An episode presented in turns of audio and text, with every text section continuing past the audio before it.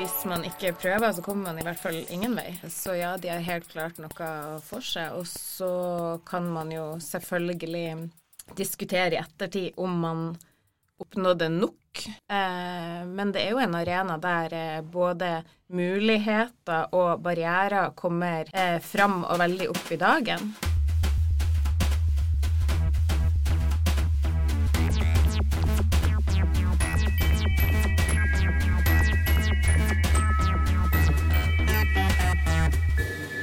NTNU samfunnsforskning-forsker Susanne Therese Hansen og NTNU-professor Espen Moe var i høst på FNs klimakonferanse COP27 i Sharm el Sheikh i Egypt. Hva fikk en nordlending og en trønder ut av et gigantisk eh, klimatoppmøte?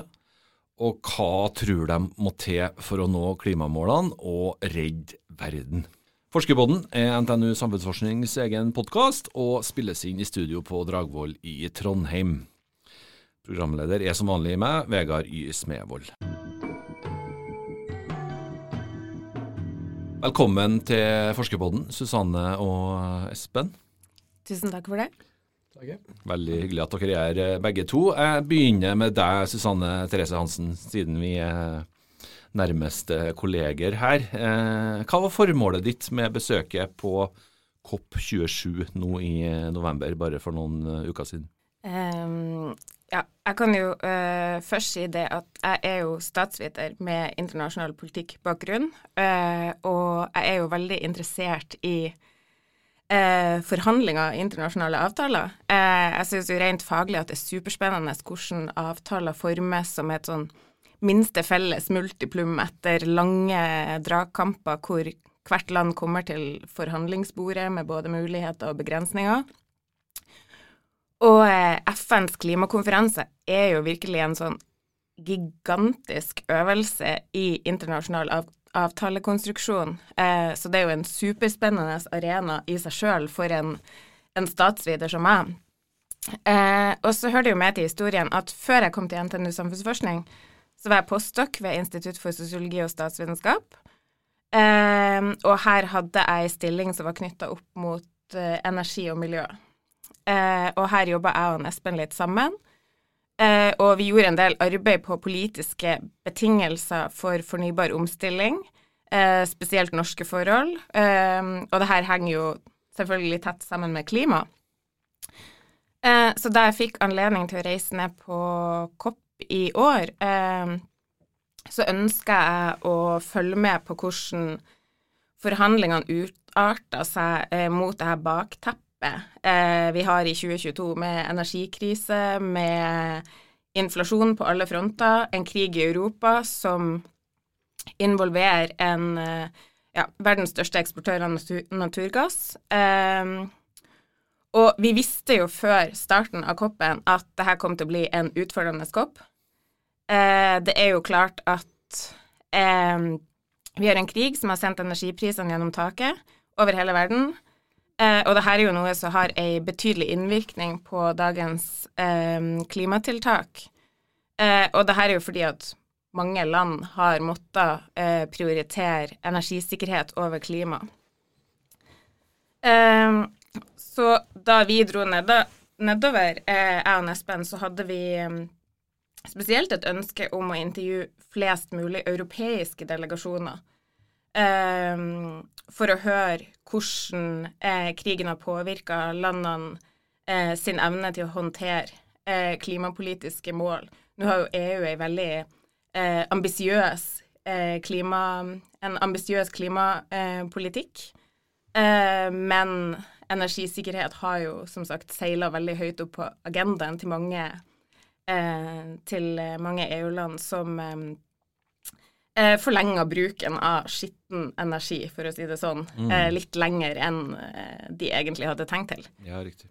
Så da dro du nedover. Eh, det blir spennende å høre litt mer hvordan man manøvrerer seg på en sånn svær konferanse. Du var usikker på hvordan det skulle bli, og det er det i hvert fall mange av lytterne våre også, som også er. Det gjelder meg også. Eh, du ville ha med deg din kollega Espen i podkaststudio her i dag, Susanne. Hvorfor, eh, hvorfor, er Espen med oss i studio? Ja, når vi først eh, skulle snakke om kopp, så var det jo helt naturlig for meg å invitere han Espen med inn i samtalen. Eh, det var jo han Espen som eh, sikra meg en plass på kopp. Eh, og i tillegg så har jo jeg og Espen fortsatt et lite samarbeid gående, selv om jeg bytta arbeidsplass. Um, og vi øyna jo denne muligheten til å gjøre noen intervjuer på Kopp og videreføre eh, arbeidet vårt eh, dersom vi dro ned dit sammen. Mm. Eh, det var jo noe med å sørge for å samle inn data eh, når mange informanter var samla. Eh, og så må jeg jo si at han Espen har jo forska på fornybar energipolitikk i mange år, eh, og jobber jo langt mer aktivt på dette området enn det jeg gjør. Så han sitter jo på ekstremt mye kunnskap og var en veldig bra fagperson å reise ned dit med. Mm. Espen Moe, professor eh, ved NTNU. Eh, ja. Du var i Marrakech i Marokko i 2016. Ja, det var et tilsvarende møte. Og så var du på en ny tur til Egypt nå. Ja. Hva er det som eh, trekker deg til sånne svære konferanser? Uh, utover det Susanne har sagt, jeg er også statsviter med internasjonal politikk og politisk økonomi som, som spesialisering, så er jeg jo faktisk eh, NTNU sin kontaktmann opp mot eh, UNFCCC. Så det er jeg som koordinerer NTNU sine COP-delegasjoner eh, hvert år. Um, Um, så jeg har som regel alltid reservert en plass for meg sjøl, før jeg i siste liten har, har, har blitt hjem for at jeg egentlig ikke har hatt noe der å gjøre. Nei. Hvor mange er det som reiser fra NTNU? da? det varierer fra år til år, og så kommer det an på hvor mange akkrediteringer vi får. Men, men i år så har vi vel fire-fem. Vi fikk åtte akkrediteringer, da bare fem som dro. Vi fikk bare fire i fjor. Uh, så det er som regel en håndfull. Uh, fordelt, på, fordelt, på, to uker.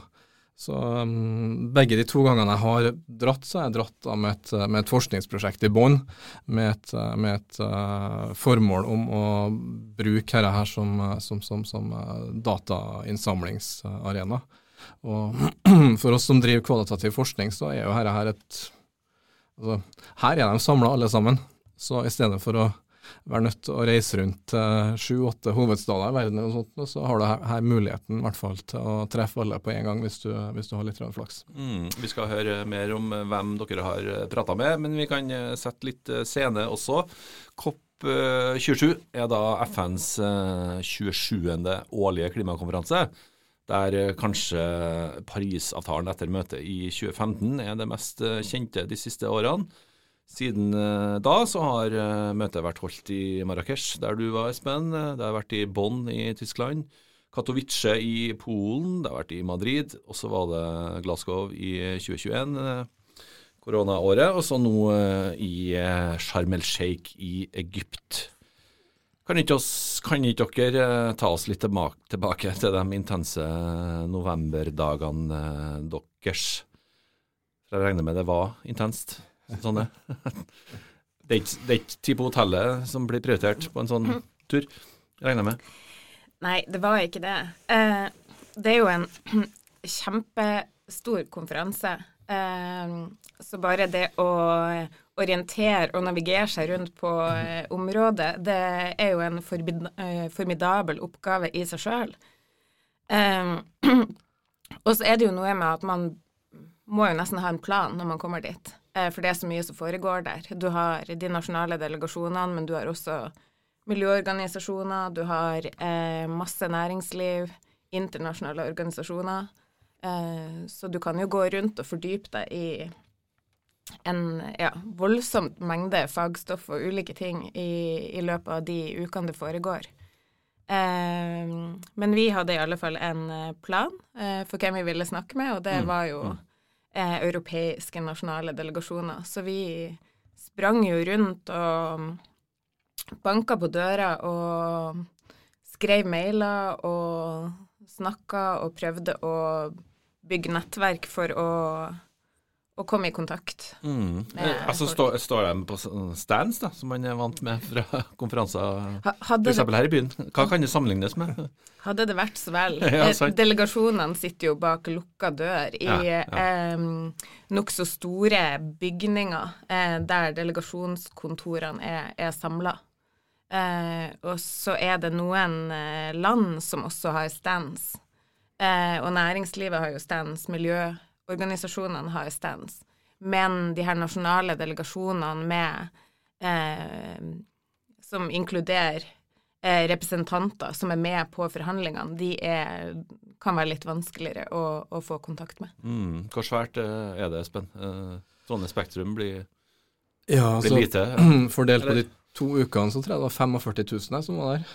Um, så, så sikkert uh, drøyt 20 000 da, hver uke. Eh, og det er klart, de er ikke der for å snakke med oss.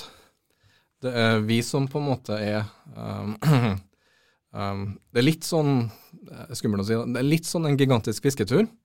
For at uh, de er opptatt stort sett hele tida, og hvis vi har flaks, så klarer vi å få et innsmett på en halvtime eller en time på et tidspunkt hvor de tar en pust i bakken. Um, og hvis vi ikke har flaks, så har vi kanskje fremdeles muligheten til å få satt opp noen avtaler etter at konferansen er over. Og hvis ikke vi har flaks i hele tatt, så får vi ingenting. Men, men samtidig så er det liksom Det er vanskelig å finne en arena hvor det er større mulighet for at du får napp på den fisketuren jeg er på. Så det er veldig, det er veldig verdt forsøket. Men, men altså, det har jo vokst opp en hel industri i, i, i tilknytninga til koppene. Så de første koppene var veldig mye mindre, og nå har du eh, veldig mange sånn såkalte side events, da, hvor, hvor organisasjoner og institusjoner, eh, både industri og næringsliv og, og fornybare uh, organisasjoner osv., så Uh, og også noen universitet uh, holder forelesninger og, og, og er på stands og, og driver networking og alt mulig rart. Så, så det, har blitt, det har blitt gigantisk. Og, og erfaringa mi fra Marrakech var at da, det var første gangen, og da sprang jeg rundt og var med på veldig mye interessant. Og det førte til at jeg fikk ikke gjort den jobben jeg kom dit for å gjøre i veldig stor grad. Så den gangen her så gikk vi bare rett på sak i stedet og fikk med oss dessverre litt mindre av, av, av det som foregikk. Mer jobb og mindre Ja. shopping av interessante Ja. eh, tema. Eh, dere snakker med europeiske delegasjoner, som dere sier, som også deltar i forhandlingene. Eh, hvem er det dere ikke får prata med? Hvem er det umulig å få innpass hos? Susanne? Eh, nei, her tenker jeg at eh, jo høyere opp man strekker seg, eh, jo vanskeligere er det å få tilgang, og da tenker jeg jo på statsledernivå. Eh, og så er det jo også noe med at kanskje ikke alle eh, delegasjoner er like tilgjengelige. Vi snakker jo med europeiske delegasjoner eh, fra åpne stater. Eh, Eh, Så det er mulig vi eh, Nå gjorde vi ikke noe forsøk på å få tilgang til de, men det er jo godt mulig vi ville hatt eh, langt større problemer med å få kontakt med den russiske delegasjonen eller eh, delegasjonen til Belarus eller Mm. Så, Jeg, jeg, jeg kan garantere at vi ville hatt mange, mye større problemer med å få tilgang til den russiske delegasjonen. så de var til stede, da? Ja. De var der? Men vi fikk jo beskjed fra den norske delegasjonen om at, om at det var i praksis null kontakt. Um, jeg også si for egen regning at jeg prøvde å snakke med Saudi-Arabia i 2016, og det, det gikk ikke i det hele tatt. Så det er nok eh, um, La oss si eh, uh, det er enklere, enklere å snakke med de delegasjonene som er skal vi si, kulturelt nærmere. Mm. Hvor tilgjengelig er Espen Barth Eide på en sånn konferanse? Eh, Vi fikk ikke tilgang til han, vi, vi, spurte ikke om det heller. Nei. Um, um, Nei, vi prøvde ikke. vi prøvde ikke, Han men kan du snakke med andre annen anledning, kanskje? Ja, um, så vi har jo, vi har jo e-mailadressen til alle de norske delegasjons... Nei, alle de internasjonale delegasjonslederne, f.eks. Uh, så det er ikke noe problem å sende en mail, men, men, men så er det jo opp til hvert enkelt land selvfølgelig å avgjøre om uh, de ønsker å være tilgjengelige eller ikke. Mm. Og, og, um, um, en av reaksjonene vi møtte, var jo at um, Um, da vi sendte de første e-mailene, så hadde vi antagelig ikke presisert nok at det vi ikke var interessert i, var, var, var, var juicy snacks og hemmeligheter fra forhandlingene. Så enkelte var jo litt sånn skeptiske til hva er de, hva er det dere egentlig prøver å finne ut av. Um, um, så det er også noe med å vise at uh, vi er ikke der for å Um, vi er ikke der for å, for å, snike til oss hemmeligheter eller, eller, eller, uh, inside information. Vi er der rett og slett for å gjøre forskning. Ja, Det er kanskje journalister sin jobb heller. Nettopp. Og, ja, det, dere var ikke journalister. Mm. Mm. Eh, men hva, ser de på å bidra til forskning, da? Sånn generelt? Er det bare prakk, eller er det, eller er det noe de føler er viktig? Susanne? Uh, nei, jeg føler jo jevnt over at vi Altså, vi blir jo møtt uh, veldig positivt. Folk er interessert i å bidra. Uh, så Og det er jo ei, um, ei, ei holdning vi, vi forskere ofte, ofte, møter. At folk er glad for at vi er interessert i det de er interessert i å drive med. Mm, mm. Utfordringa på Kopp var jo stort sett, som han Espen er inne på, at uh, folk var veldig travel. Uh, og det i seg sjøl er jo bra. Det var en utfordrende kopp, og det var veldig uh, langvarige forhandlinger hver dag. og konferansen gikk jo også på overtid, så det er klart at delegasjon, delegasjonsmedlemmene var jo sliten og skulle ikke først og fremst bruke tid på sånne som oss. Nei, sant. Jeg tror vel det er den konferansen som har gått nest lengst på overtid.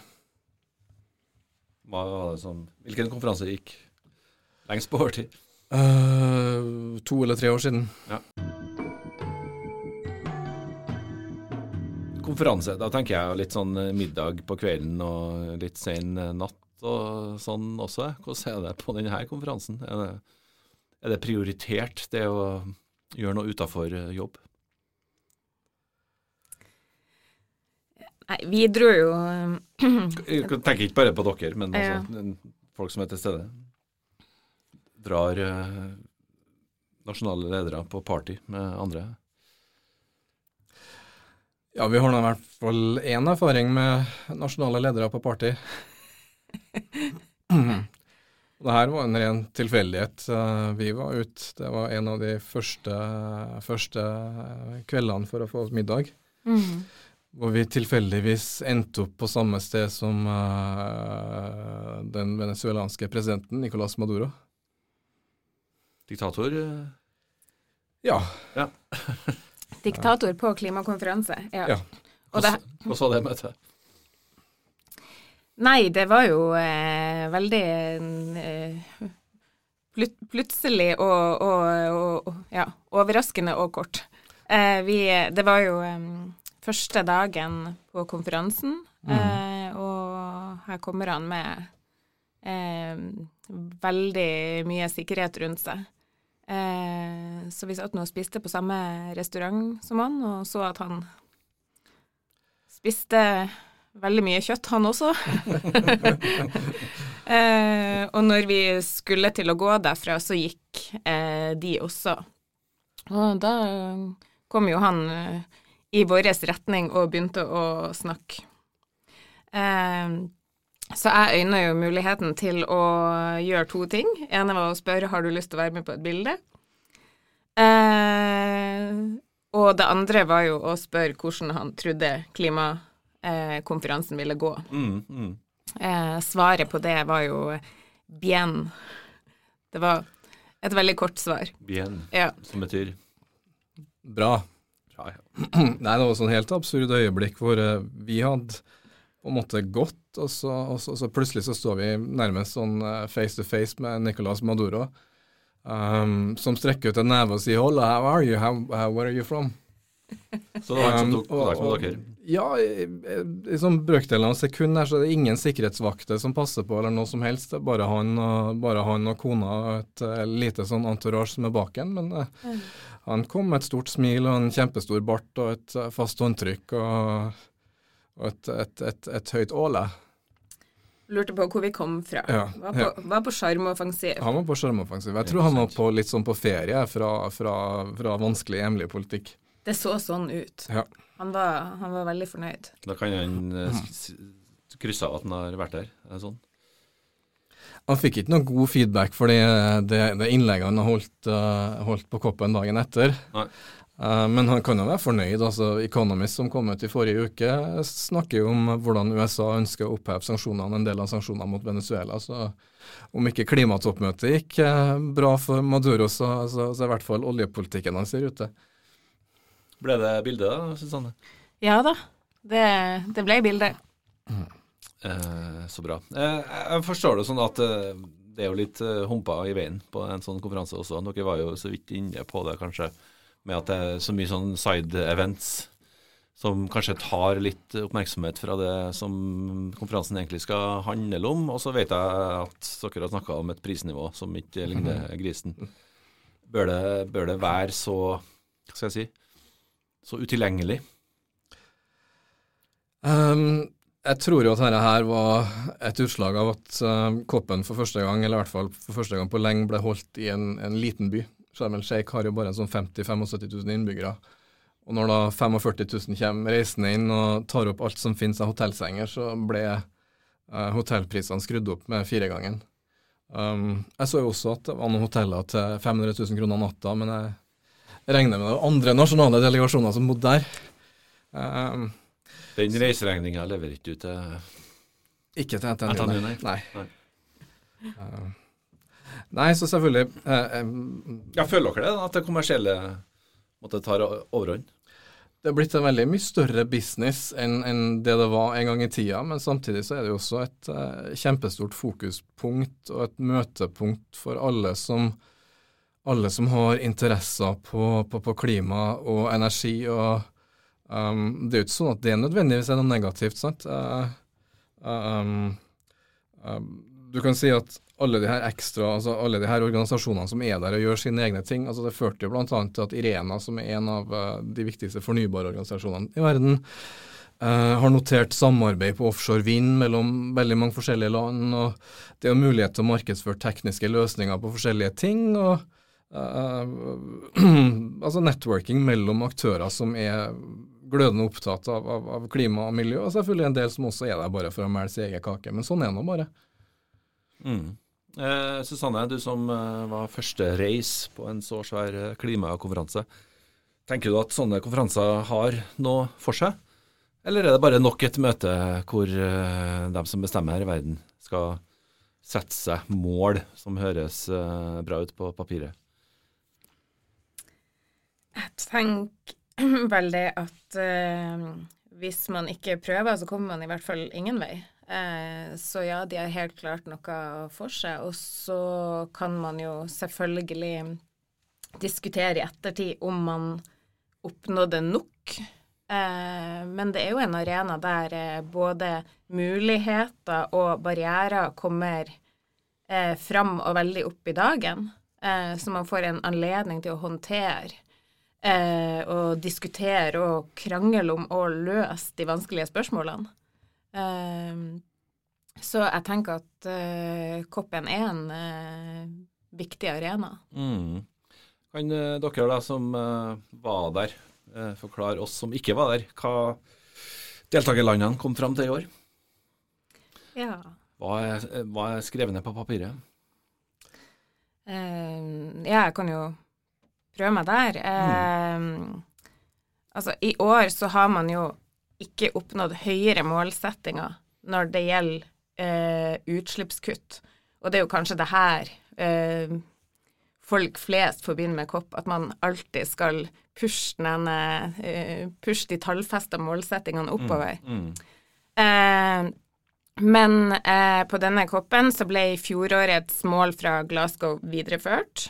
Eh, og personlig så tenker jo jeg at eh, med det her bakteppet, med krig i Europa og eh, høye energipriser, eh, at eh, det var det beste man kunne håpe på i år. Eh, Kan bare skyte inn her at det var flere land som prøvde å oppheve det 1,5-gradersmålet, så mm. Mm. ja, det, det å beholde det var viktig. Det klarte de ikke, nei. Ja, Nei, det klarte de ikke. Så det var bare det å, å ikke, ikke, gå tilbake på dette målet var jo ei, eh, ei forferdelig viktig målsetting i seg sjøl. Eh, og som han Espen Barth Eide uttalte, eh, så bryter jo ikke avtalen fra Sharm el Sheikh fullstendig med Glasgow, men den har heller ikke økt ambisjonsnivået på, på noen som helst måte. Men én ting man har oppnådd fremgang på i år, er det her området som kalles tap og skade, eh, som virkelig har vært eh, det store stridstemaet under årets kopp, og som muligens vil stå igjen som seieren, eller i det minste én av seirene fra den, denne koppen. Og tap og skade handler jo om at de landene som er mest berørt av klimaendringene, eh, skal få en form for kompensasjon for de tapene og skadene som de menneskeskapte klimaendringene allerede har påført dem. Eh, og i grove trekk så er det jo fattige land eller utviklingsland som er hardest ramma her. Eh, et eksempel er jo f.eks. øystater som blir veldig påvirka av stigende havnivå. Eh, et annet eksempel er afrikanske land hvor avlinga og matproduksjon blir påvirka av at det har blitt enda varmere og tørrere. Eh, det gjør at det blir vanskeligere å produsere mat, overleve, eh, og det fører til migrasjon, enkelt og greit. Eh, så vi snakker jo om uopprettelige skader som ikke, man ikke kan tilpasse. Eh, og eh, fattige land har jo i veldig mange år kjempa for et fond eh, på tap og skade men det var først i år man fikk det her eksplisitt på forhandlingsagendaen. Eh, og det egyptiske vertskapet opplevde nok et veldig stort press eh, på å få det her på plass. Eh, nå når eh, Ja, det var nå tross alt et afrikansk land som husa konferansen, så det var jo ekstra store forventninger til at i år så måtte det skje noe her.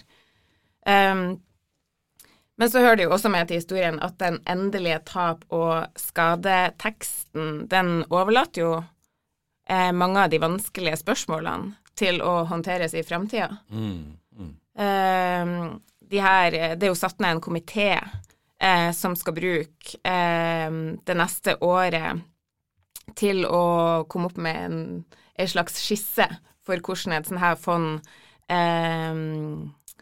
eh, eh, kan se ut, altså hvordan, for, for, eh, for, form det skal ha, eh, hvilket land som skal bidra, eh, hvordan pengene skal distribueres, og hvor de skal distribueres. Eh, og det her er jo enormt store spørsmål som det kommer til å bli mye dragkamp om. Eh, og jeg tror jo at der tap- og skadefondet kommer til å bli et av de store eh, stridstemaene på flere kommende kopp. Mm, så det, det, er snakk om en økonomisk eh, kompensasjon her? Ja, det er snakk om eh, finansiering, ja. Mm. mm. I tillegg til dette her, så var det også forventa, eller krevd fra før av, at land skulle sende inn oppjusterte såkalte Nationally Determined Contributions, NDC, eller nasjonalt fastsatte mål, eller nasjonalt fastsatte forpliktelser. Uh, Norge var ett av eh, bare rundt 30 land som, uh, som, som gjorde det her. Altså, I de her NDC-ene så har jo landene da, siden Paris forplikta seg til, til, til, forskjellige utslippskutt. Og, og i dette her så ligger på en måte både, både, suksessen og forbannelsen ved de her forskjellige koppene, som i at uh, Du spurte jo er det noen poeng i å ha de her koppene. Uh, og jeg vil jo kom, kommer gang på gang tilbake til at uh, det, er uh, det, er et fokuspunkt. Uh, så Uten de her koppene så ville vi aldri fått de forskjellige NDC-ene hvor land forplikter seg til å gjøre utslippskutt. Um, så vi kommer kanskje ikke ned til 1,5 grader, vi kommer kanskje ikke ned til 2 grader, men vi kommer definitivt nærmere enn vi ellers ville ha gjort. Men, men så er jo kynikeren, og statsvitere er jo ofte kynikere, kynikeren i meg sier jo at Norge leverte inn en oppjustert plan Um, um, samtidig så vet stort sett alle at Norge kommer ikke til å klare å kutte sine utslipp med 50 innen 2030, og da spiller ikke noen rolle hva man har skrevet i den oppjusterte NDC-en. Så politikken skjer på hjemmebane, samme hva man inngår avtale om på COP. Og det er jo ikke sånn at det finnes noen mekanisme som sikrer at landene oppfyller det man har forplikta seg til. Så eh, politikken blir til i skjæringsfeltet mellom, mellom, politiske partier og interessegrupper, og da har vi altså den hjemlige dragkampen om ressurser og andre ting som, som, som avgjør. Um, så her ligger jo liksom altså, det som er spennende for, for statsvitere, men, men eh, antagelig veldig frustrerende for, for vanlige folk og, og, og, og, miljøinteresser og alle som følger de her forhandlingene. Mm, vi skal avslutte snart om uh, om dere har noe fremtidshåp eller ikke. Men eh, vi skal innom neste års konferanse først. Eh, vårt eh, favorittlag, Espen Liverpool, er i Dubai i disse dager på en slags sånn treningsleir før det er i gang igjen i mellomjula. Neste år så er FNs klimatoppmøte lagt til Dubai i De forente arabiske emirater. Hva sier det at konferansen er lagt til en oljestat som kanskje ikke først og fremst er kjent for å sette klima- og miljøarbeid øverst på agendaen? Altså det, det, er jo sånn at uh, det, det, er jo den staten som, som, som er vertskap, som overtar um, som, som, overtar uh, presidentskapet, lederskapet, for det året. Og det gir jo den staten muligheten til å sette, sette preg på hva som skal gjøres og hva som skal opp på agendaen. Og det er ikke noe tvil om at uh, Emiratene er interessert i at uh, gass skal fortsette å ha en fremtid. Um, på samme måte som Egypt var veldig interessert i at det skulle handle om ting som var bra for u-land. Mm. Men uh, kommer gass til å bli viktig da, etter neste møte? Fordi ja, vi som stansvitere sånn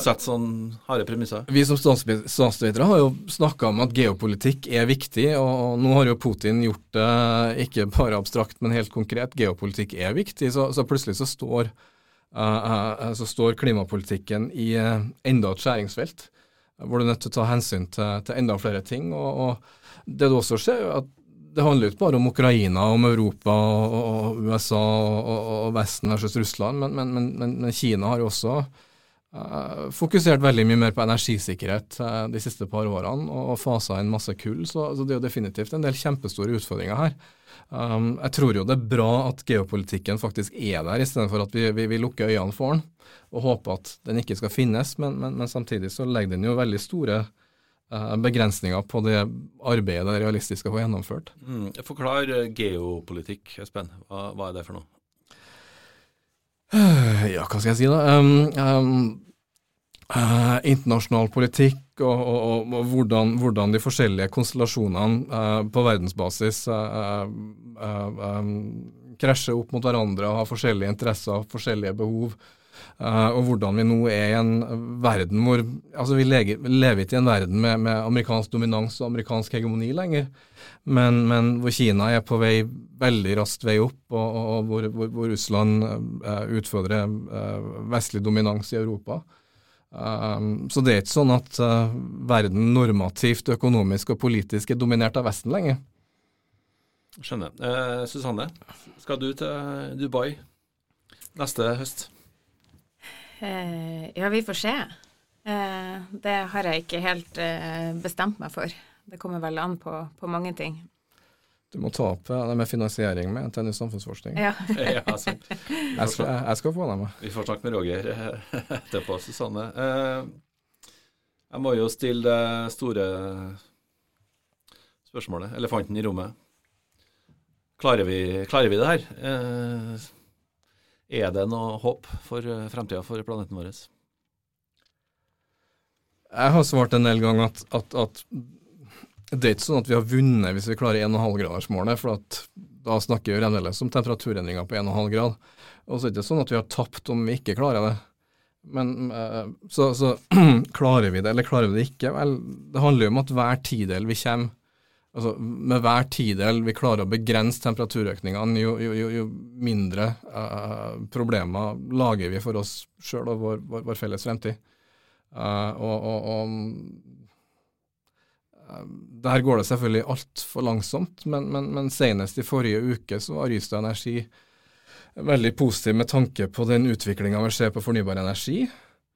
Um, IEA leverte inn projeksjoner for bare noen dager siden som, som, som viser dobling av fornybar energi eh, bare siden forrige rapport. og, og Det kan vi vel delvis takke Putin for. Um, og, og, vårt forskningsprosjekt handler også delvis om hvor mye av de her økte installeringene av fornybar energi som skyldes, eh, skyldes russisk invasjon. Mm. Så, så, det er definitivt uh, ting som skjer. Um, og så er jo noe som er interessant uh, for oss da, igjen som statsvitere og samfunnsvitere, at, at, veldig mye av dette her handler om politikk, ikke om, om teknologi og økonomi, men, men, om hva som skal til for å få fasa inn de løsningene som vi faktisk vet finnes allerede.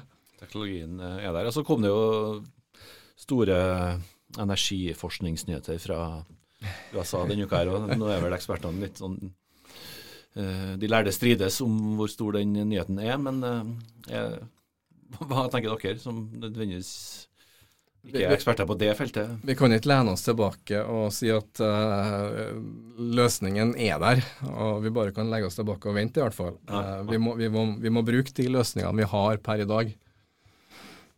Mm. Hva tror du, Susanne? Er det noe håp? Eh, for klimaet, du, du må si at det er alltid håp, må du si. Ja, altså, altså alltid håp. Ja. ta juleferie altså, man, eh, man, skal jo ikke svartmale det her helt. Jo, det gir meg håp at man eh, eh, møtes ved forhandlingsbordet. At man eh, holder det her gående. Eh, det gir meg veldig håp for tida at bl.a.